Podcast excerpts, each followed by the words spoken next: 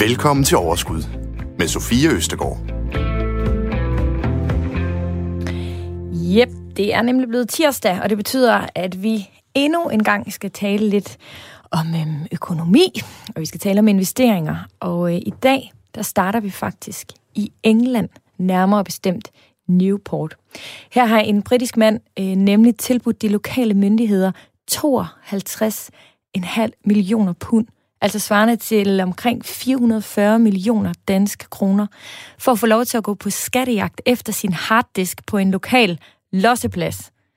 Jep, jeg sagde harddisk, og jeg sagde losseplads. En harddisk, som øh, James Howells ved en fejl har smidt ud. Øh, og jeg kan love jer for, at han virkelig fortryder. For på den harddisk, der gemmer der sig 7.500 bitcoins, som i dag svarer til, prøv at høre, det svarer til 1,9 milliarder kroner. James han købte sine bitcoins i 2009, hvor de ikke var særlig meget værd. Så jeg kan faktisk godt forstå, at øh, James han er villig til at kaste nogle millioner efter myndighederne, og så dykke ned i bunker af skrald, men jeg håber også lidt, at øh, han måske har nogen til at hjælpe sig. Øhm, sidder du og tænker, at du måske har misset et eller andet her, og ikke helt forstår, hvad det er, jeg snakker om, så bare rolig. Du er ikke alene, fordi hvad er bitcoins egentlig? Og hvad fik og får nogen til at købe bitcoins, og hvordan kan de stige så meget i værdi, altså på så få år. Alt det, det skal vi blive meget klogere på i dag. Velkommen til Overskud. Og til at hjælpe øh, os alle sammen, og jeg vil være helt ærlig sige, i særdeleshed mig, fordi jeg, jeg forstår det faktisk øh, ikke helt rigtigt, så har jeg øh, besøg af dig, Mikkel Grås Nielsen. Velkommen til. Jo, tak. Du er med på telefon, og øh, yes. du er uddannet øh, kan mærke i erhvervsøkonomi fra Aarhus Universitet, hvor du ja. øhm, faktisk har skrevet et speciale om kry- kryptovaluta. The Evolution of Money. Er det rigtigt? Det er ikke korrekt. Det er godt. Det er godt at have facts øh, på plads. Øh, du arbejder i dit eget firma, GL21 Capital, som er en kapitalforvalter for kryptobranchen. Altså, I tilbyder at hjælpe andre med deres kryptovaluta. Er det sådan, man skal forstå det? Ja, øh, det er sådan, man skal forstå det, når vi er endeligt i mål. Øh, vi er lige ved at få det sidste på plads med Finanstilsynet, så jeg må faktisk ikke udtale mig nærmere om vores services på, på nuværende tidspunkt. Men det er korrekt, at vi kommer til at blive en kapitalforvalter inden for krypto. Meget interessant. Men øh, der er i hvert fald ikke noget i vejen for, at du deler ud øh, af din viden øh, i dagens program, vel? Nej, det er der ikke. Det er, det er jeg glad for, ellers blev det et meget kort program, det her. Øhm, men, øhm, men Mikkel, prøv her, kan vi ikke lige prøve at vende tilbage til ham, James her fra England? Hvordan kan det ske, at han på en harddisk har altså, så, mange, så mange bitcoins? Altså, hvorfor har man ikke en backup? Altså, og hvorfor er de overhovedet på den her harddisk? Jeg, jeg forstår det ikke helt. Nej, jamen det er et rigtig godt spørgsmål, og det er jo en øh, forfærdelig historie for James. Altså øh, tilbage i 2009, øh, der kunne man ikke engang købe bitcoins. Det var så tidligt, øh, at den først lige var frigivet. Så James han minede, han stillede computerkraft til rådighed for at hjælpe øh, med at øh, få den her protokol til at køre, og det fik han så bitcoins for øh, som belønning. Mm. Og øh, så det er sådan, han fik dem. Og han har jo på daværende tidspunkt nok ikke tænkt, at det var andet end et sjovt lille eksperiment, så han har nok ikke gjort meget ud af at lave en backup af øh, sin, øh, sin wallet. Og det, øh, det er nok det, han fortryder grusomt i dag. Og wallet, det er simpelthen den, der ligger på harddisken, hvor de her bitcoins, de er inde i. Lige nøjagtigt. Kender du afslutningen på den her historie? Altså, står James stadig på lavsepladsen, eller har han fundet dem, eller, hvor, eller hvad, hvad? Mig bekendt har han ikke engang fået lov til at gennemsøge lossepladsen endnu. Det er jo derfor, han har givet øh, 25 procent af det, har han tilbudt kommunen, hvis han må få lov at lede. Men øh, det lyder godt nok også som en, en hård opgave at skulle lede en losseplads igennem, efter han har det. Åh, oh, stakkels James. Jeg vil næsten, men virkelig kun næsten ønske, at jeg kunne hjælpe ham. Øhm, ja. Men øh, Mikkel, jeg er meget glad for, at du er med i dag. Øhm, fordi jeg glæder mig til at, at, at, at forstå det her fænomen øh, væsentligt bedre. Men inden vi skal øh, få dig til at sætte lidt flere øh, øh, lidt mere fakta på det her øh, fænomen bitcoin, så skal vi lige sige goddag til en gæst mere, og det er dig, Søren. Ja, goddag. Goddag, Søren. Søren Smed Østergaard. Øhm, prøv at høre, Søren, vi to vi kender jo øh, hinanden ret godt, fordi øh, du er min gamle nabo. Ja. Og øh, Søren, da vi besluttede os her på redaktionen bag Overskud for, at vi skulle lave et program om bitcoin, så var jeg faktisk øh, temmelig sikker på, at vi skulle have dig med, fordi Søren, du har erfaring øh, med bitcoin. Og inden Mikkel Hans han rigtig sådan konkret fortæller, hvad er det her? Hvordan kan det ske, at, at James står på en losseplads og øh, i det hele taget hjælper os til at forstå, så synes jeg faktisk, at vi lige skal høre lidt om, hvad bitcoins kan. Og det er du et glimrende eksempel på. Er det ikke rigtigt?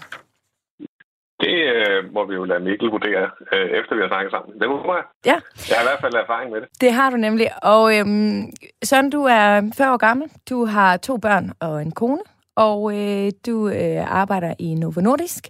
Men det er ikke det, øh, der er grund til, at øh, jeg har ringet til dig i dag. Det er øh, i stedet for dine bitcoins. Og vil du prøve lige at fortælle om, hvornår du hører om det her begreb øh, bitcoins? Ja. Øhm, jeg øh, hørte sådan, øh, eller stiftede første gang bekendtskab med det i øh, 2013, øh, 2014, øh, hvor, øh, hvor vi, vi sad på arbejdet. Vi var nogle øh, gutter, der sad og, og havde sådan en lille aktiesnakkeklub. Øhm, og så, øh, så er jeg ret sådan, nysgerrig af natur, så da jeg hørte om det her bitcoin, og vi sad og grinede af, hvor, hvordan det var øh, helt vildt, øh, at man ville smide penge efter det, og hvad, hvad var det egentlig for noget, og så videre. Så tænkte jeg, men hvad er det egentlig for noget? Og så, øh, jeg så er sådan lidt øh, nysgerrig, så, så tænkte jeg, det må jeg lige finde ud af. Øh, og så tænkte jeg ud, hvordan får man fat i sådan nogen? Øh, og og det var, det var faktisk mega svært, fordi man kunne ikke, øh, man kunne ikke bare gå, gå ud og købe dem alle mulige steder.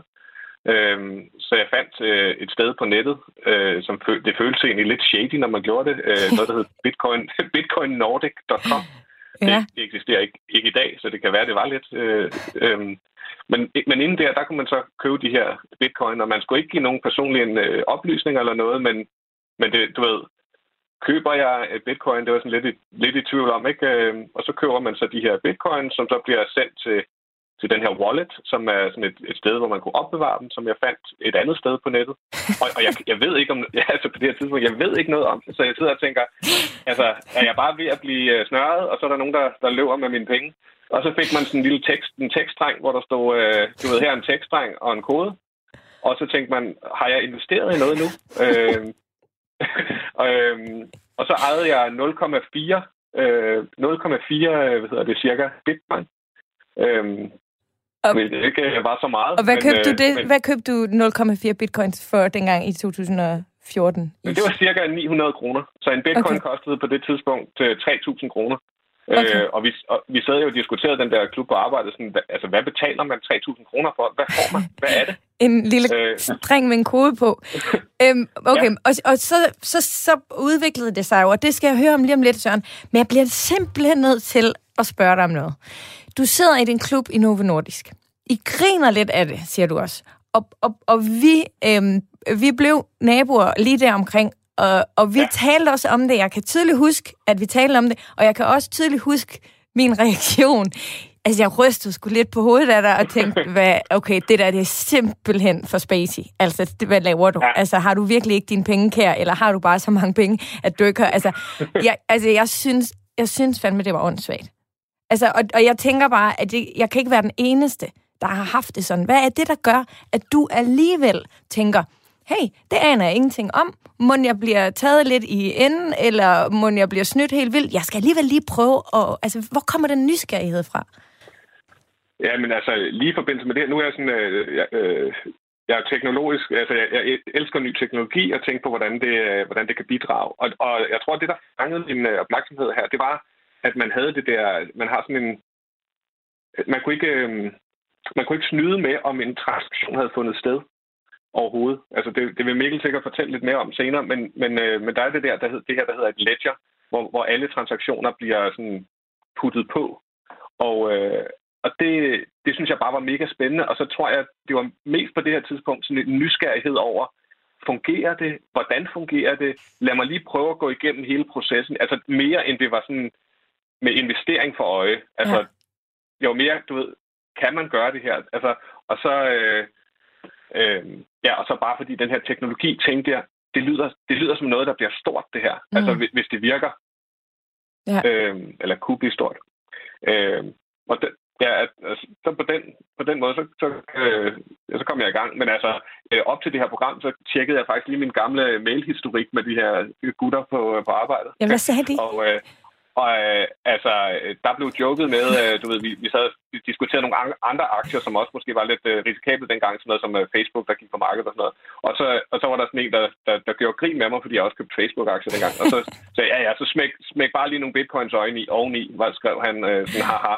Ja. Øh, du ved, og, øh, og det gjorde jeg så også, og så det var vist at være rigtig godt. Øh, rigtig godt. Men, ja, øh, men, men, det var ikke, det var ikke med det, øh, det var sådan lidt jokende øh, ja. dengang. Ja, ja, klart. Og, øhm, og, og nu vil jeg jo ønske, Søren, at jeg dengang øh, ikke kun Øh, nu siger du selv, du har altid haft den her interesse for teknologi, og te- hvordan kan den hjælpe mig? Og, og jeg vil jo ønske i dag, at det ikke kun var din øh, teknologiske øh, drejer til risengrøden, jeg øh, har lånt øh, konsekvent mange gange, men at jeg også var hoppet med og havde taget den her øh, idé til mig.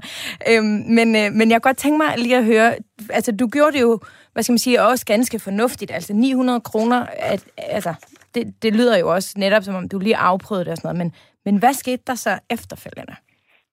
Jamen altså, øhm, det øh, kan man sige, så, øh, så, så prøvede jeg det. Øh, jeg, jeg tror, jeg lavede en donation et eller andet sted, og du ved, af lidt af det der bitcoin, og så, og så lod jeg det lidt stå, og min kone grinte, grinte jo også lidt af mig, eller rystede på hovedet. Øhm, du gjorde så åbenbart også. øhm, men, øhm, men så, øh, du ved, så på et tidspunkt, så kom, øh, så kom Julie, der min kone, hun kom hjem fra arbejdet, så havde hun diskuteret med nogen på arbejdet, også omkring, hvordan det her var blevet stort. Og det var så det var lidt senere, det var i 2017. Og så kom hun øh, tilbage og sagde, at det her krypto, og det bliver da kæmpe stort og sådan noget. Så sagde jeg, ja, det er jo det, jeg har prøvet at sige øh, du ved, i nogle forgangne år og sådan noget. Og så spurgte hun, om vi ikke skulle investere i noget i det. Og så sagde jeg, jo, det vil jeg da meget gerne. Øh, så skal vi tage nogle af vores fælles penge og gøre det i med. Øh, og det synes hun var en god idé. Øh, og så, øh, så investerede vi mere der. Øh, og så tror jeg, så blev vi, så blev vi revet lidt med, øh, fordi der var sådan en, en stor hype, der lige pludselig kom, der, der kom øh, i medierne på det tidspunkt, som vi blev revet med endnu mere af, øh, og købte, øh, købte en del af det her, og så øh, priserne steg jo øh, voldsomt, øh, kan man sige, øh, fra, fra den gang, hvor en bitcoin i 2014 kostede 3.000 kroner til, til der til 17, hvor det sådan stak helt af, og den kom op og jeg kan ikke engang huske, hvor meget det var, men det var virkelig meget. Mm. Øhm, og, og så købte vi også nogle forskellige slags bit, eller kryptovalutaer. Så vi, vi havde både det her bitcoin, og der er også en masse andre, som vi købte øh, for at sprede vores risiko. Øh, fordi de kan lidt noget forskelligt. inden for krypto, ja, okay. inden for, inden for krypto, ja. inden for krypto, ja. ja. så det, altså, ja, det er relativt begrænset. Ja, ja, jeg med. Ja. Men øh, vi købte nogle forskellige, også til ham, så havde vi lidt at snakke om øh, mm. i vennekredsen. Der, blev, der begyndte folk at snakke om det her på det her tidspunkt, ikke? Og, mm. og sådan, om, hvad for nogen har I købt, og, og hvorfor tror I på dem, og sådan noget. Så, det, så, så gør vi det. Øh, kan du huske, så, hvor, meget, øh, hvor, meget havde I, altså, hvor meget købte I for dig og øh, Jule på det tidspunkt, hvor hun kommer altså, hjem der i 17? På, på det tidspunkt, der tror jeg, at vi endte med at have købt øh, for 40.000 kroner. Okay. Så, øh, og så har vi så øh, senere hen også købt, øh, købt nogen, fordi at, øh, det, der skete, var så, at det crashede. det crashede, og det er, jo, det er jo der, man skal... Altså, øh, jeg var glad for, at det var sådan en fælles øh, beslutning mellem mig og min kone, fordi øh, når, det, når, den, når prisen så crashede, øh, øh, og, og de begyndte at være væsentligt mindre værd, Ja. Øh, og, og man ikke snakkede så højt om, at man havde købt en masse øh, bitcoin i vennegruppen mere. øh, så, så, øh, så, så var det, at vi skulle beslutte, altså, og vi skulle sove godt om natten, ikke? og vi skulle, øh, vi skulle, kunne, vi skulle kunne afskrive pengene, hvis det var at sige, at det var så, det var så virkelig ærgerligt, men det var det. Øh, og så, så det var sådan, skulle vi så, du ved, konvertere dem tilbage til rigtige penge, eller skulle vi beholde dem? Og så tænkte vi, vi tror jo grundlæggende på teknologien, det må, det må komme op. Ja. Øh, og, og ellers er det jo ikke så meget værd nu, så øh, vi, øh, vi tror på det, vi holder det, og så, øh, så lader vi det bare stå. Og det gjorde vi så. Og så øh, her i sommer sidste år, så, så begyndte vi at tale om det igen, og jeg kan ikke huske hvorfor, og læse lidt mere om det, og, og så tænkte vi, vi køber lidt mere, og så købte vi lidt mere, og så er det jo så eksplosivt øh, kommet op her i slutningen af sidste år og op til, til nu. Ja. Der er det jo gået til endnu, endnu nyere højder, ikke? Ja. Øhm, ja. Øhm, og så kan man sige, så, kan man sige, så for to uger siden, så, øh, så, så læste jeg igen nogle artikler, øh, og så blev jeg påvirket af det, og så tænkte jeg, ej, men det er en Ponzi-scheme, og det er, øh, det er et scam, og det hele imploderer lige om lidt. Øh, så øh, vi, jeg gik i panik, og så, så kom jeg hjem og sagde, jeg har solgt det hele. Og, øh, og så sagde hun, hvad for noget? Og hvorfor det? Så der var det ikke øh, så meget en fælles beslutning? Nej, det var, det var det ikke. Øh, jeg, jeg tror, du ved, man, jeg sidder, vi sidder hjemme i corona ja. her. Jeg sad nede i min kælder, og, og øh, du ved, og alene en hel dag, og sådan noget, hvor jeg tænker, ja, det, det er ikke godt for mig, tror jeg. Og så øh, i panik, så solgte vi det hele. Eller jeg solgte det hele. ja, ja. Og så, øh, gudskelov kan man sige, også for, for husfaden herhjemme, så dagen efter, så faldt prisen jo øh, her for et par ja. uger siden, det faldt den 20-30 procent dagen efter. Og der sendte du også mig en besked. Stolt, ja, det gjorde jeg. Stolt, stolt over, at du havde solgt tingene i forvejen. Jamen, det var fordi, jeg, ja, præcis. Jeg var, jeg var i panik over, at du troede, hvad, hvad sker der med Søren? Altså, ja. Ja, har, har han det okay? Øh, så jeg kom der i forkøbet. Ja. Men, øh, men jeg solgte, og så, øh, og så kom vi ud, og vi havde endt med at have tjent øh, rigtig mange penge på det her, selvfølgelig. Og hvor mange øh, penge er det? Øh, ja, altså ikke øh, ham, øh, gutten, du snakkede om til at starte med. Ikke, ikke så mange. Vi tjente øh, cirka, cirka 100.000 kroner, så vi tredoblede vores, øh, næsten tredoblede vores investering. Øhm, Men... og det, er jo, det er jo rigtig, rigtig godt. 100.000 er, er rigtig mange penge, det synes vi. Det øhm, må man sige. Det tror jeg, de fleste vil give ret i. Men jeg vil da ønske, at vi havde investeret mere selvfølgelig. Det vil man altid, når man har tjent penge, ikke? Og, og, og det er modsat, når man taber. Øhm, og det sidste er så, at vi har igen lige kigget hinanden i øjnene og tænkt, at vi tror jo grundlæggende på teknologien, så, så nu har vi købt for, øh, for cirka altså den gevinst, vi har haft. Øh, de 100.000 kroner, dem har vi investeret igen her til en lidt lavere pris, end, end, øh, end vi er stolt til. Så, så vi, er, vi er tilbage. I er tilbage? vi tror på det. Vi tror, vi tror på det igen. Jamen, øh, det må jeg jo finde ud af, om jeg også gør, når jeg har talt lidt øh, videre med Mikkel her øh, efter programmet. Jeg glæder mig i hvert fald til at forstå det lidt bedre. Øhm, og uanset, at jeg er rystet på hovedet, så jeg, jeg trækker det tilbage. Jeg synes du var modig og sej. Så øh, tillykke med. Men jeg bliver nødt til lige at spørge os, hvad med Facebook? Ja, Facebook, den er jo så også gået rigtig, rigtig godt. Ja, så du øh, beholdt den i alle øh, I lang tid i lang tid, og så, øh, så tror jeg, jeg, jeg, der var, jeg kan ikke huske, hvad det var. Jo, jo, jeg, jeg renoverede hus, og der havde jeg brug for nogle penge. Øh, og så tænkte jeg, nu sætter vi dem i mursten. Det er også godt. Det er ikke tosset, og det var også et lille sidespring, men jeg blev nødt til lige ja. Øh, at, at spørge dig om ja. Søren, øh, kæmpe tak for, øh, at du vil være med øh, og fortælle din øh, succeshistorie med det her øh, bitcoin, som øh, vi nu skal ja. til at lære lidt øh, bedre at kende. Tusind ja. tak. Jeg glæder mig til at komme og drikke et glas øh, hvidvin hos jer på et eller andet det tidspunkt. Jeg. Lytter, jeg lytter med, så jeg det er kan, godt. kan lære om uh, min, hvad jeg har gjort. Det er godt. Tak for tak det, Sam. Du lytter til Radio 4. Og Mikkel, jeg håber, at du stadigvæk er med. Det kan du tro, jeg er. Det er jeg glad for at høre. Hvad siger du til Sørens historie her? Er, den, er det en typisk øh, ja, bitcoin-historie? Øh, Øh, jeg er faktisk meget imponeret over Sørens evne til at, at time markedet. Øh, øh, så så det, det synes jeg var, var ret imponerende, både at han var inde så tidligt i 13, øh, Øh, at han formåede at købe igen i, i 17, at han solgte ud her, hvad der lød som en lokal top her omkring de 40.000 dollars, øh, og at de nu så har besluttet sig for at købe op igen, øh, hvor den er faldet efterfølgende. Det er faktisk rigtig godt gået. Ja, det, må man, det kan man jo kun give dig ret i. Øhm, men Mikkel, jeg kunne godt tænke mig lige at høre dig. Hvorfor er det egentlig, at du øhm, er... Øhm, altså, vi hører Søren, fascinationen, han, han er glad for teknologien, tror grundlæggende meget på den del.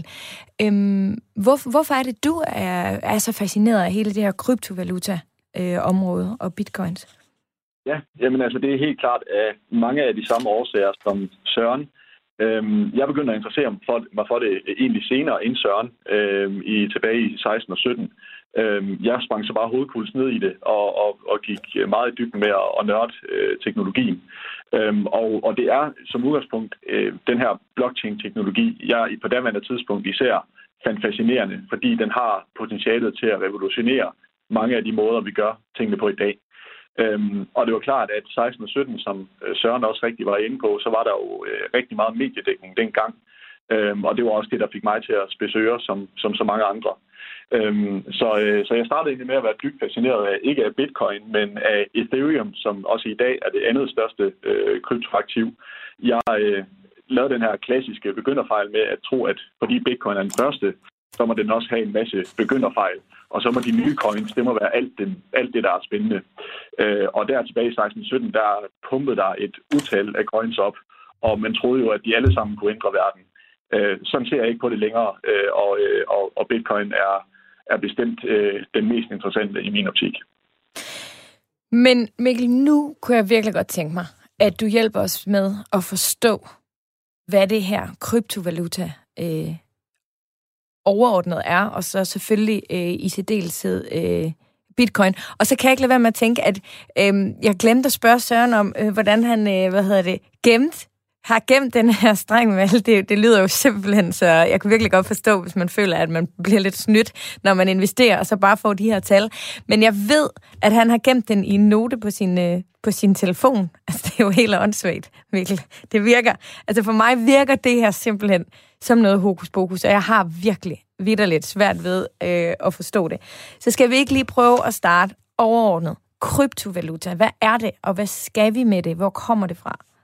Jo, først og fremmest så tror jeg, at de fleste har det på den måde, du har det. Øh, sådan havde jeg det også, da jeg selv begyndte på det, så det er helt naturligt, at man til at starte med føler sig helt overrumplet.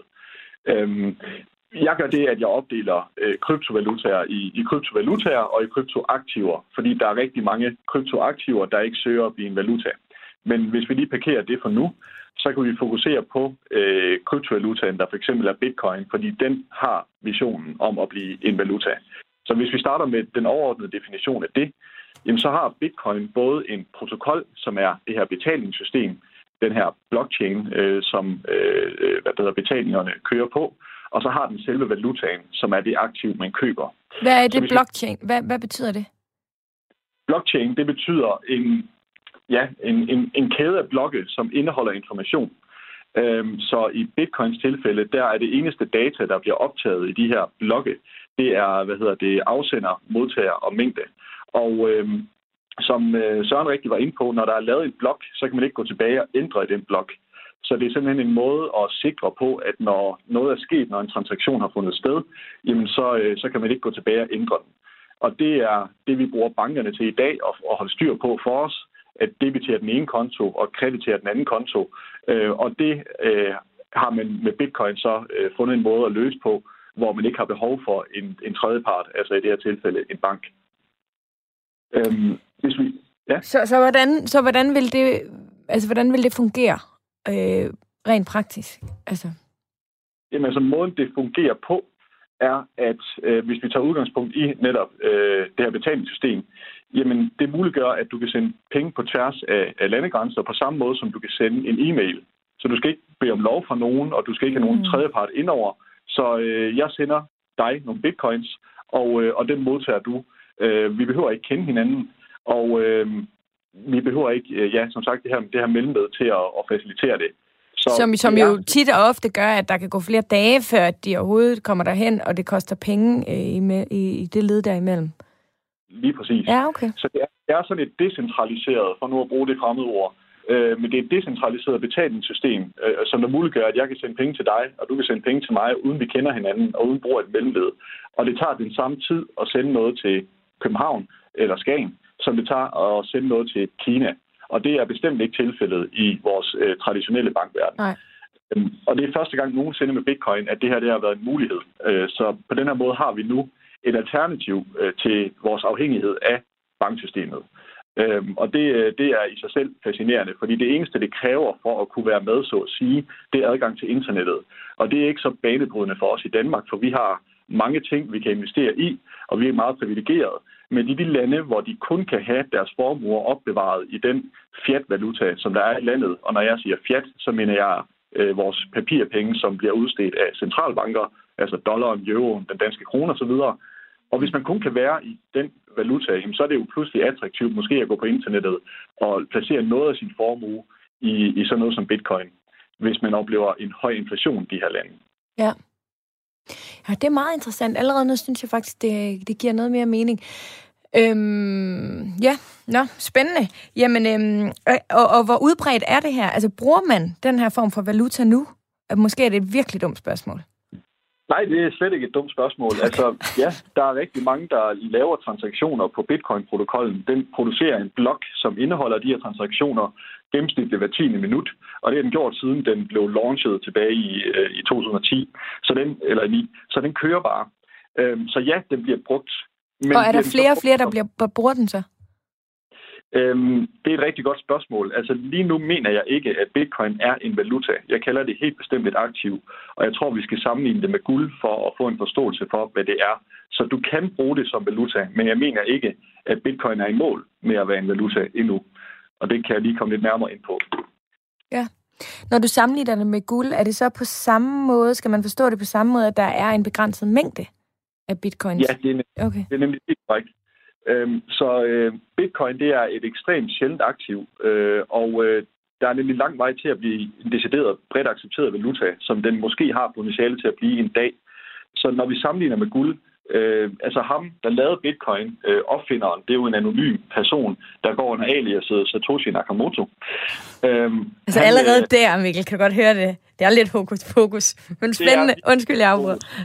Jamen, det, jeg er så enig, og det er også et, et sjovt alias, han går under. Hvad sagde du, han hed? Satoshi. Satoshi Nakamoto. Satoshi Nakamoto. yes.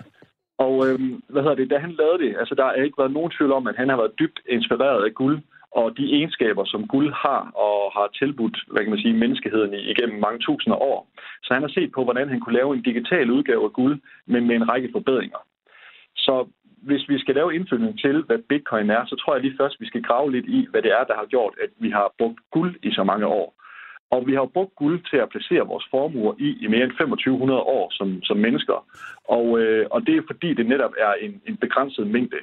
Guld kan ikke destrueres. Det kan kun blive væk. Altså, så øh, det at have bitcoins kan egentlig svare til, at du graver guld ned i din have, og hvis du ikke kan finde der, hvor du har gravet dit hul, jamen så forsvinder dit guld. Det er lidt det samme med at opbevare dine egne bitcoins. Det er ligesom med James. Så er vi tilbage ja. i England på Lossepladsen, ikke? Det Han kan ikke finde sit hul, og det er sæt med træls øhm, for ham. Så, øh, men gulds årlige produktion, altså den inflation, der er på guld, den har været mellem 1,5 til 2,5 procent, og det har den været i al den tid, vi kan måle. Og det er altså et helt stabilt aktiv, fordi vi kan stole på den mængde, der eksisterer, og der ikke pludselig lige bliver produceret 50 procent mere end det, der allerede er, øhm, som vi kan være udsat for ved vores fiatvalutaer, hvor det jo er centralbankerne, der bestemmer, hvor mange penge, der skal cirkulere. Så guld er det, vi kalder prisinelastisk, og det vil sige, at du kan stole på mængden af guld, uanset prisændringer. Og det er en meget unik egenskab.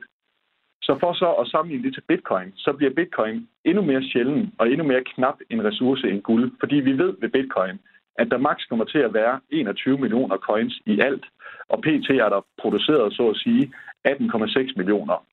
Så allerede der har vi en forskel til guld og bitcoin, fordi ved guld ved du ikke, hvor meget der egentlig findes, men det gør du ved bitcoin. Alle mine computer de kan gå ind og verificere, hvor mange bitcoins der er i omløb, og det er ikke tilfældet med guld ligesom guld, så er bitcoins årlige produktion, altså inflation, den er faldet i øh, tilbage i 2020, der faldt den til samme niveau som gulds, altså cirka de her 1,7 procent. Og den vil kun fortsætte med at falde i tiden, øh, i takt med, at vi nærmer os de, de 21 millioner. Og det skyldes, at hvert fjerde år, der halveres produktionen af bitcoins. Øhm, og øh, det kan vi komme nærmere ind på senere, men det vil sige, at den årlige produktion, da den blev lanceret i 2009, der blev der produceret 2,6 millioner bitcoins om året, og her i 2020 bliver der kun produceret øh, 330.000 bitcoins om året. Så ja. ja. Nå, jamen, det, men hvornår er vi så oppe på de 21 millioner? Det vil der gå øh, cirka 120 år, før vi vil være. Vi vil faktisk aldrig helt nå det, fordi den altid bare vil fortsætte med at halvere. Ja, okay. øhm, men, øh, men sådan for, for øh, ja, cirka tal 120 år. Men i, i mit hoved, så vil det så også give mere mening, at, at prisen, altså, når der kommer flere, så vil prisen vel falde. Så er jeg med på, at der er andre, andre omstændigheder, der gør, at den vil stige. Men, forstår du mine tanker? Altså, at jeg kan godt forstå, at det, det for år tilbage, da der var ganske få, øh, altså, der har stigningerne måske været mere drastiske, end, end man måske vil se de næste par år, medmindre der er andre ting, der spiller ind. Altså. Ja, altså, øh, og det, det er et rigtig godt øh, spørgsmål. Altså man kan sige, du, du har helt ret, når der ikke er så mange coins, øh, så kan de coins jo, så kan det være meget drift om de coins. Øh, jeg tror, det vil fortsætte med at være tilfældet, fordi øh, der er rigtig mange coins igennem tiderne, der er gået tabt. Der er nogen, der er forsvundet, som du, øh, som du indledte programmet i dag med. Gud ja, så kommer øh, de ikke tilbage. De kommer nemlig ikke tilbage, så i praksis kommer der heller ikke til at være 21 millioner. Øh, jeg tror, man estimerer lige nu, at det er cirka 3 millioner coins, der bliver handlet. Øhm, og øh, i takt med, at der er folk, der køber det med henblik på ikke at sælge det, så forsvinder de jo fra hvad kan man sige, det handlingsbare marked. Øhm, så, øh, så det er derfor, at jeg tror, at den bedste måde at forstå bitcoin, uden at nørde det alt for meget dybden, det er at forstå, at det er et meget, meget sjældent aktiv. Øhm, lidt, lidt sammenlignet med guld. Hvis vi skal have et perspektiv til guld, øh, så hvis bitcoin skulle op og have gulds markedsstørrelse, så vil det svare til en pris på 550.000 dollars per bitcoin, og den ligger lidt over 30.000 dollars i dag. Så der er stadigvæk lang vej op, hvis man tror på, at den tese skal udspille sig. Det skal du lige sige igen. 500, hvad sagde du, 550? 1000 dollar per bitcoin, hvis den skal op og have den samme markedsværdi, som guld har i øjeblikket. Og den ligger kun, om, kun, mm, kun omkring de 30? Ja, den ja. lå sidst på, på 32.000 ja. her. Øh. Ja. Okay. Men det, der så er med bitcoin, det er jo, at den pt. ikke er skalerbar ligesom, altså man kan sammenligne det lidt med internettet tilbage i 90'erne. Det var heller ikke brugervenligt. Så der skal videreudvikles på teknologien. Der skal bygges flere lag udenpå, før den kan være konkurrencedygtig til de her daglige transaktioner og konkurrere med etablerede systemer, som for eksempel Visa, Mastercard, PayPal osv. Så vi er altså i et meget tidligt stadie ja. i den her teknologis udvikling. Så jeg tror, det skal sammenlignes lidt med at være på internettet i løbet af 90'erne, og før at det for alvor blev mainstream at bruge internettet. Så lige nu er det lidt mere forbeholdt teknologiske typer, som for eksempel Søren. Altså, hvor vi andre ja. måske øh, sidder lidt stadig måske og ryster på hovedet af ham og tænker, det var bare held. Eller sådan, ja. Ja, det kan jeg, det kan jeg sagtens spille, øh, at, at man kan vurdere det sådan, ja. Du lytter til Radio 4. Mikkel, jeg må sige, allerede nu er jeg altså blevet øh, væsentligt klogere øh, på det her. Der er en enkelt ting, som jeg så øh, lige tænker, det er, når du siger kryptovaluta, at der er, hvad sagde du om, over 10.000 forskellige? Øh... Ja, jeg tror, der bliver handlet 6.000 forskellige, men okay. ja, der er rigtig mange. Det, altså, og det er simpelthen alle sammen nogen, som på en eller anden måde gerne vil ind og overflødiggøre banker og, og blive anerkendt som en, som en valuta? Nej, det øh, vil jeg slet ikke mene, det er. Øh, og det er derfor, jeg kalder det overordnet set kryptoaktiver, fordi det kun er et fortal af dem, der går efter at blive en valuta. Okay. Øhm, så der er rigtig mange decentraliserede protokoller derude, som vil alt muligt forskelligt. Øhm, og, øh, og det er også derfor, man, altså hvis man investerer i andet end bitcoin, så løber man en stor risiko. Jeg vil sammenligne det med at investere i tidlige startups, mm. fordi de har nogle spændende visioner, men der er lang vej fra vision til eksekvering. Øhm, og, øh, ja, så, så hvis man ikke har tid til sådan at sætte sig ind i, har det her produkt noget at byde på, så vil jeg som udgangspunkt holde mig til bitcoin og holde mig fra alle de andre. God pointe. Men hvis man så tænker, at man gerne vil øh, holde sig til bitcoin, og man gerne vil prøve det her og være med på, på vognen måske, øh, hvordan investerer man så øh, i bitcoin? Yes. Jamen altså, der er jo mange måder at erhverve sig bitcoin på, øh, men jeg tror for at være helt konkret, øh, vil jeg anbefale tre øh, udlandske handelsbørser. Der er Coinbase, som er den mest brugervenlige og nok den mest kendte. Så er der Kraken, som er klart den billigste. Og så er der øh, Bitcoin Swiss, som er øh, et dansk ejet øh, svejsisk selskab, og der er det meget bekendt muligt med danske account managers. Øh, så det er også en mulighed. Man kan også benytte sig af danske virksomheder, som for eksempel Coinify eller Copenhagen Bitcoin. Det, man bare skal være opmærksom på, det er, at feesene, altså de gebyrer, du betaler i Danmark, er markant højere, end de er, hvis du går til udlandet. Okay, hvordan kan det være? Jamen, det øh, er et godt spørgsmål. Altså, udlandet har jo øh, deciderede handelsbørser, hvor de danske virksomheder går ind og benytter sig af de udlandske handelsbørser. Altså, så du tager et fordyrende mellemled på ved at benytte mm. dig af de danske. Dermed ikke sagt, at jeg ikke vil anbefale, at jeg kender mange, der har gjort det, fordi det er dejligt nemt at forholde sig til at lave en dansk øh, bankoverførsel, og så kan du købe det på den måde. Øh, men, øh, men det kan gøres, altså Kraken kan gøre det helt ned til en, en kvart procent, hvor de danske ligger på omkring 4 procent. Ja. Altså, og øh, inde på vores Facebook-gruppe, øh, Overskud Radio 4, der er der jo også en del, der faktisk har spurgt ind til det her, og jeg kan mærke, at der er sådan en interesse for øh, at forsøge at forstå det, men langt de fleste har lidt den samme øh, jeg vil ikke sige kritiske, men jeg vil sige skeptiske øh, indgang øh, til det som mig. Bo Stilling Christiansen, han er en af dem, der faktisk øh, interesserer sig for, hvor man gerne, hvor han kan købe det hen, og han spørger, hvor køber man bitcoin sådan seriøst. Altså hvis man googler, så giver det nogle links med udtryk for at være altså, plattenslager. Altså det, ja. det, det og, og derfor kan jeg godt forstå, når du netop siger, at der er nogen, der måske føler sig lidt mere sikre, hvis de er på en dansk platform, eller i hvert fald har et eller andet, der, der lugter lidt af noget dansk, som jo tit og ofte kan føles mere sikkert, øh, når man øh, investerer i noget som det her, som kan være en lille smule øh, øh, usikker. Kan du godt kan, kan du forstå, ja, hvad jeg mener? Ja, jeg kan sagtens ja. forstå det, og, og jeg er også helt enig i, øh, i Bos, hvad hedder det, i det han skriver, altså man skal være påpasselig med krypto. Der er rigtig mange af det, der hedder phishing attacks, inden for krypto. Altså folk, der prøver at logge dig ind på en, en hjemmeside, og øh, så vil de have dig til at dele nogle oplysninger. Og det kunne for eksempel være, hvis man havde sin egen wallet, at de så vil bede om nogle oplysninger på den. Og det skal man bare aldrig dele med nogle tredjeparter, fordi de sidder der simpelthen bare for at prøve at stjæle bitcoins, for at sige det lige ud. Øhm, så, så man skal være påpasselig, og man skal gå ind med en naturlig øh, skeptisme, så det synes jeg kun er, er sundt at gøre. Ja, jeg synes også, øh, på netop vores Facebook-gruppe, der ligger der lige nogle øh, links ud til nogle af dem her, som du netop øh, anbefaler, Mikkel, øh, hvis man vil prøve at kigge lidt øh, nærmere på det. Og så vil jeg godt blive lidt ved den der wallet der, fordi øh, Tommy øh, Reiner Stål Thomsen, han spørger også, øh, jeg har købt lidt på Copenhagen Bitcoin. Jeg har købt lidt på Copenhagen Bitcoin, ja. Yes. Og det var nemmere, end hvis du skal til at oprette dig på Coinbase. Det er en lang proces for at øh, blive godkendt. Hvad, hvad, hvad er det, han snakker om her med at blive godkendt? Ja, jamen altså, øh, som alle andre steder, hvor du skal ind og handle med nogen, øh, altså lave en eller anden form for valutaoverførsel, jamen så har de jo, så er man omfattet af hvidvasklovgivningen, og så er man forpligtet til at vide, hvem ens kunde er. Så det er øh, det samme med Copenhagen Bitcoin som med Coinbase, meget bekendt. Det er også det samme, som når man opretter sig på Nordnet. Man skal fremvise et billede-ID, man skal fremvise en proof of address, altså en eller anden dokumentation for, at man bor på den adresse, øh, som, man, øh, hvad det hedder, som man udgiver sig for, så de er sikre på, at de kender deres kunde.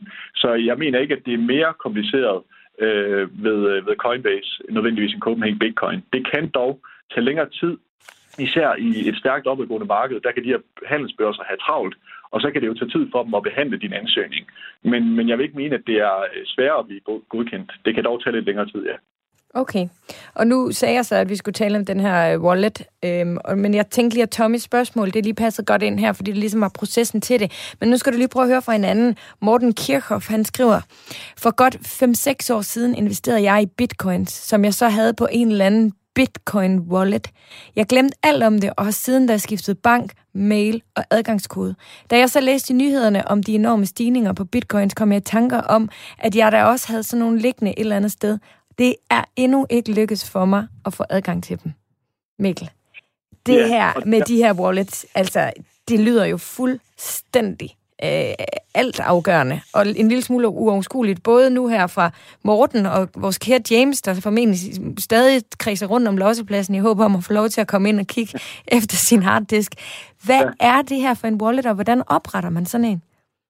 Ja, der er exceptionelt mange forskellige wallets og muligheder, øh, du kan benytte dig af. Du kan sågar bare skrive din private key, som det hedder. Det er simpelthen den unikke øh, streng, der giver dig adgang til din wallet. Du Var det den Søren, han talte om? Ja, ja. Og, øh, og den kan han skrive ned på et papir, eller i sin note på sin telefon. Det vil jeg så klart fraråde, fordi din telefon er tilknyttet internettet. Så Søren, stop med det. øhm, men, øh, det husker men, jeg lige sige til ham. ja, øh, nej, men altså, øh, det er jo øh, sørgeligt for, for Morten, det her. Jeg vil lige sige til ham, at, øh, at han har skiftet bank, mail og adgangskode, er faktisk øh, irrelevant i det her øh, sammenhæng. Han skal finde sin private key. Hvis han kan det, så kan han genskabe sin wallet, uagtet at han har skiftet bank, mail og adgangskode. Så, øh, så det vil jeg anbefale ham at, at gå ud og lede efter, og prøve at google private key, øh, så han lige kan få en idé om, hvad det er for noget. Men det er et stort problem, det her, og det er jo derfor, at man skal gøre op med sig selv, vil jeg selv opbevare mine bitcoins? Vil jeg oprette min egen wallet og sætte mig ind i øh, sikkerheden i at, at opbevare det sikkert og kunne genskabe det en dag? For hvis man ikke vil det, og hvis man spekulerer for alt under altså øh, 50.000 kroner, jamen så vil jeg egentlig anbefale at det ligge på de handelsbørser, som går ekstremt meget op i sikkerhed på dine vegne. så er det meget vigtigt, hvis nu du benytter dig af en af de handelsbørser, jeg nævnte overfor, at du bruger et langt, unikt kodeord til at oprette dig, og at du bruger en two-factor authenticator. Og det er en app, den hedder Authenticator, hvis man bruger Googles version, hvor man simpelthen scanner en QR-kode. Øh, QR-kode, det er den her, man kan scanne. Øh, de her, det ved jeg ikke, hvordan jeg skal beskrive, Sofie. Øh, jo. Men Ja, det er de her øh, firkantede koder med en masse prikker på, man kan scanne.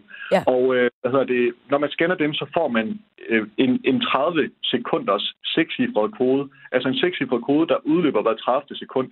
Og den skal man så, udover at skrive sit login, sit brugernavn, sin unikke kodeord, så skal man også skrive de her seks cifre inden for en periode på 30 sekunder, hvor det så bliver erstattet med seks nye cifre. Og det er en god sikkerhed mod hackers, fordi så skal de både hacke din login, dit øh, kodeord, og din telefon, hvor de her cifre, de kører på. Så, øh, så hvis man tager sådan nogle hvad kan man sige, lavt hængende frugter i forhold til sikkerhed, øh, så, øh, så er man egentlig ret godt stillet ved at have den liggende på en handelsbørs. Men man skal selvfølgelig gøre op med sig selv, fordi hvad nu hvis den handelsbørs bliver hacket, går konkurs, bliver insolvent, jamen så kan du risikere at tabe dine coins, men det kan du selvfølgelig også, hvis du selv opbevarer dem, og du glemmer, hvordan du har opbevaret dem du glemmer, hvor du har lavet det hul, hvor du har gravet dit guld ned i. Ja. Og, og så er det alt andet lige bedre at have det liggende ved nogen, der har styr på det for dig. Sådan en type som mig, hvis jeg nu efter det her program besluttede mig for, at det her, det vil jeg sgu også lige prøve, så kunne jeg nemt finde på at bare købe det, og så finde ud af alt det der bagefter. Og der er dit klare råd så, vent, Sofie, og find lige ud af øh, allerførst, hvordan vil du opbevare dem, og hvad har du tænkt dig, hvordan vil du gøre. Det lyder som om, at det her, det virkelig er øh, utrolig øh, vigtigt skridt et, inden man kaster sig ud i det her?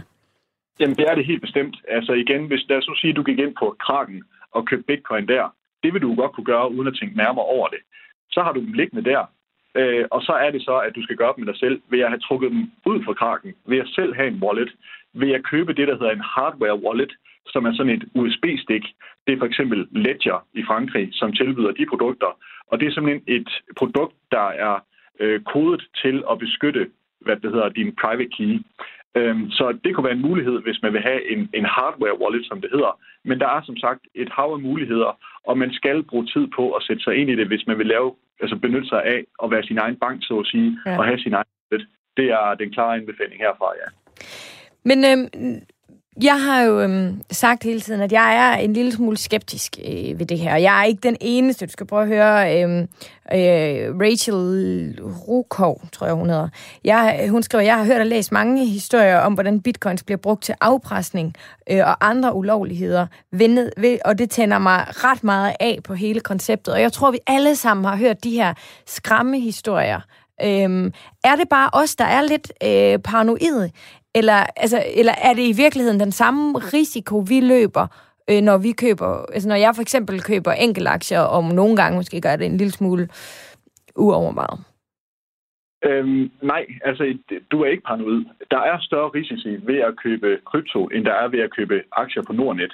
Øhm, det er sundt at gå ind i det her marked med en naturlig frugt, øh, frygt, fordi det gør også, at man, man respekterer det, og man, man bruger tiden på at sætte sig ind i det. Øhm, krypto har højere risiko end at handle aktier. Hidtil er man bare blevet belønnet for den risiko i form af et, et bedre afkast. Ikke at det er en garanti, at det fortsætter selvfølgelig.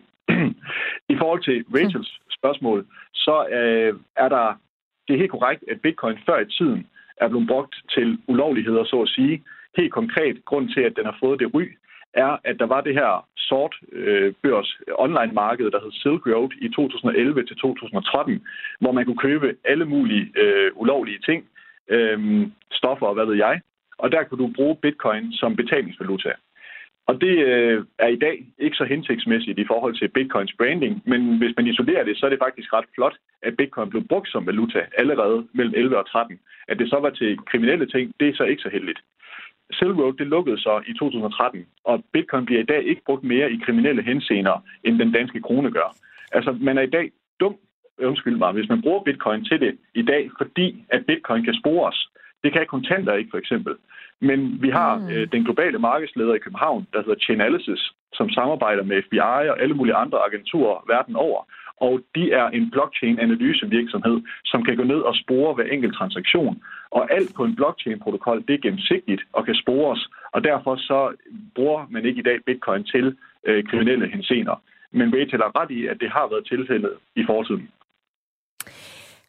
Mikkel, hvis man gerne vil vide mere om, om alle de her ting, altså hvor kan man... Øh hvor kan man finde råd og vejledning, hvis man, hvis man egentlig måske har interessen for at investere, men, men, men gerne vil vide lidt mere om netop de her farer, der kan føles som om de tror lidt?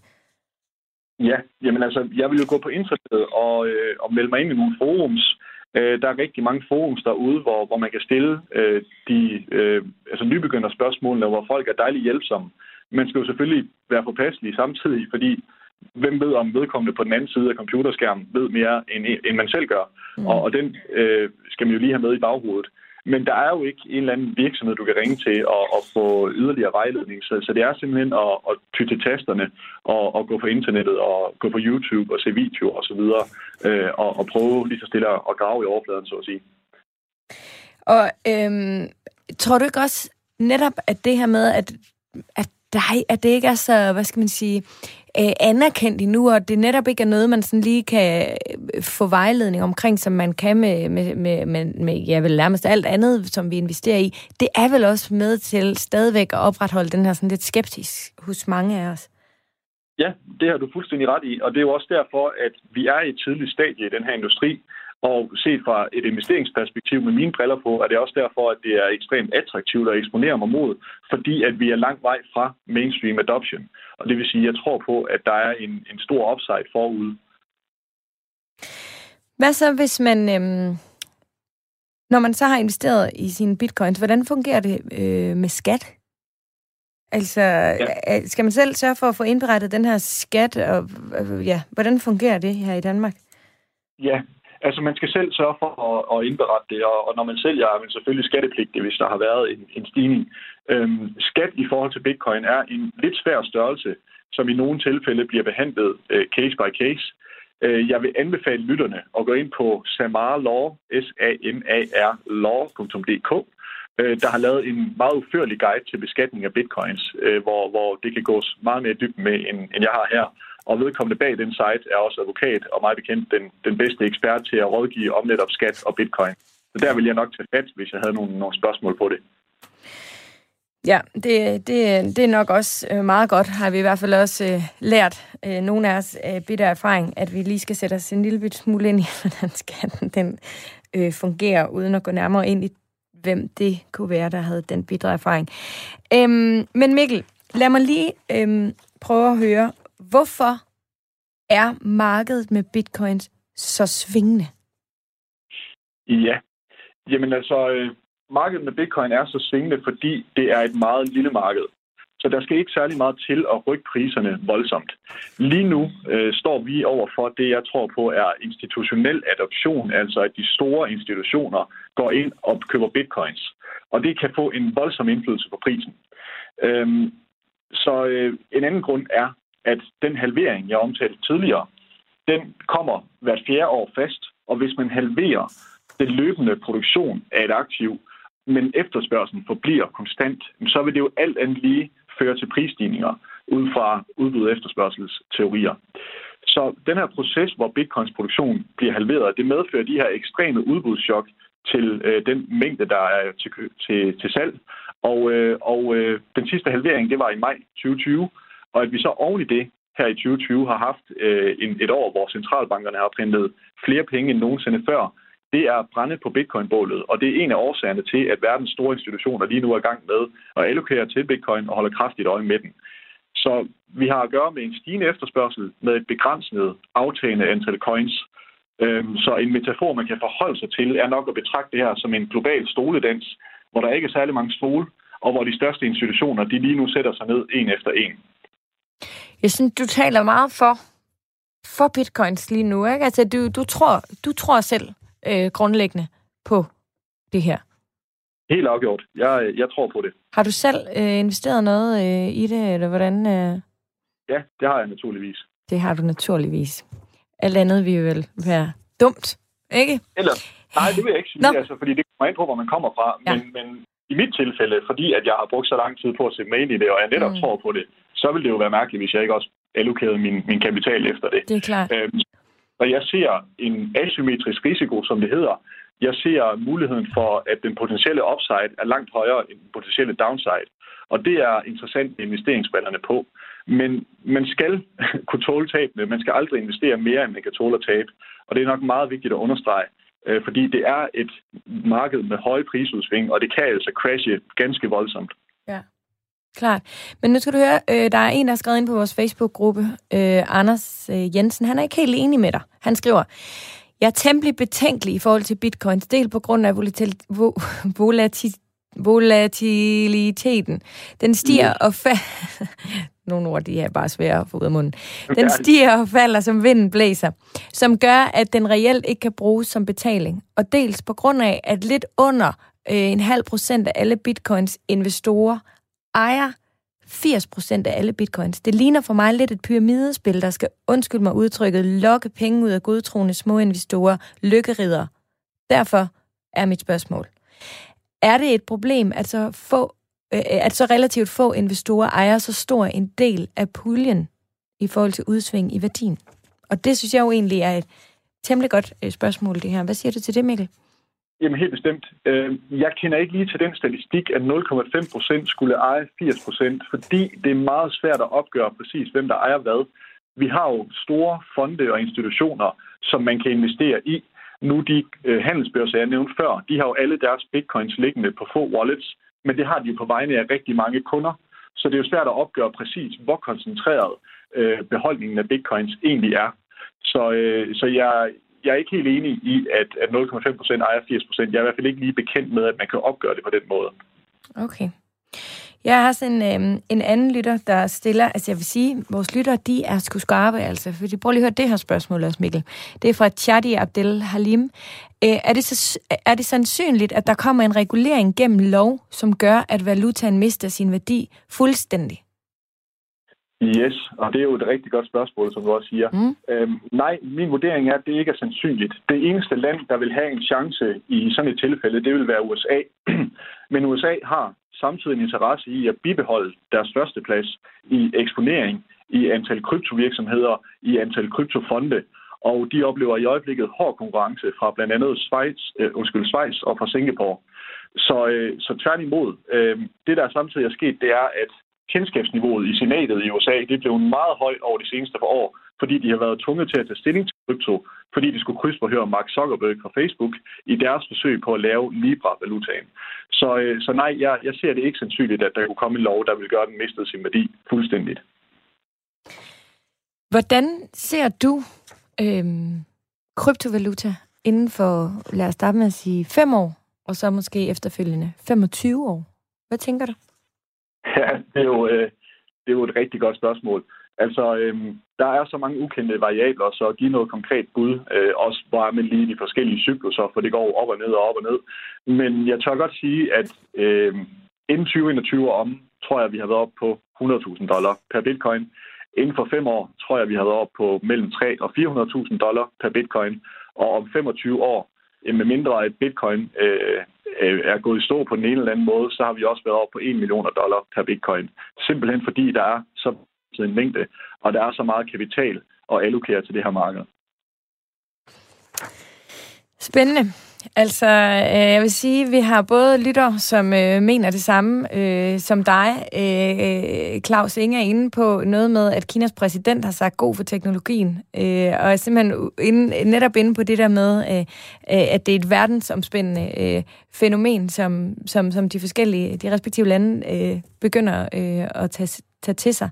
Men altså, vi skal jo selvfølgelig huske på, at... Øh, ja, og overveje tingene grundigt, inden vi investerer, se det fra alle sider og lytte til øh, alle de forskellige øh, holdninger og argumenter, øh, der er. Og så i sidste ende, så er vi jo selv ansvarlige for de investeringer, øh, vi laver.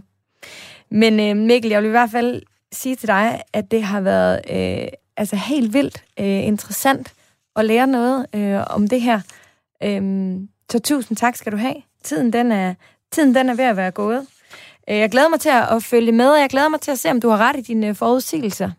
Det kan være, at jeg ja. lige øh, tjekker op med dig lidt senere på året og hører, hvad du har at sige, når du enten har ret eller ikke har ret? Det må du endelig gøre, og lige som afslutning herfra, det er jo meget vigtigt at sige, at man ikke bare skal kaste sig hovedpuls ind i det. Allokere noget, du kan tåle at tabe, hvis du vil løbe den her risiko. Men det er et risikofyldt marked, og, øh, og, og man skal ikke bare øh, lytte til, hvad jeg siger, og så bare gå all in, fordi det vil være fuldstændig uansvarligt. Jeg er helt enig, men du har i hvert fald øh, været med til i dag at gøre mig og helt sikkert øh, mange andre øh, en del klogere øh, på fænomenet. Og det er jo om ikke andet en rigtig god start, før man begynder at overveje, øh, om man overhovedet skal øh, investere i, øh, i bitcoins. Men øh, Mikkel Grås Nielsen, hyg dig i Aarhus, og tusind tak, fordi øh, du vil være med øh, i programmet her i dag. Det var en kæmpe fornøjelse. Jamen, øh, jeg siger tak for invitationen. Selvfølgelig. Kom endelig igen en anden gang. Eller nu siger jeg kom igen. En anden dag håber jeg, at du kan komme ind i studiet. Ellers så snakkes vi ved på telefon. ja, helt bestemt. Det er godt. Ha' det godt. Ja, lige måde. Hej. Du lytter til Radio 4. Det gør du, og øh, desværre overskud ved at være færdig for den her gang, men øh, jeg lover, at vi lyttes ved igen i næste uge. Og øh, indtil da, så kan du altid fange mig øh, på Facebook-gruppen, der hedder Overskud Radio 4, eller du kan finde mig på min øh, Instagram, både på Instagram og Facebook, der kan du altid skrive en øh, besked til mig, hvis du har noget, du synes, vi skal tage op, eller noget, du går over overveje, eller bare noget, du ikke øh, lige forstår. Du kan selvfølgelig også sende en mail på overskudsnabelagradio4.dk. Det her program, det var tilrettelagt af Maja Christine Grønbæk og mig selv, afviklet af Maja og produceret af Body Body for Radio 4. Ha' nu en fantastisk uge. Tak for i dag.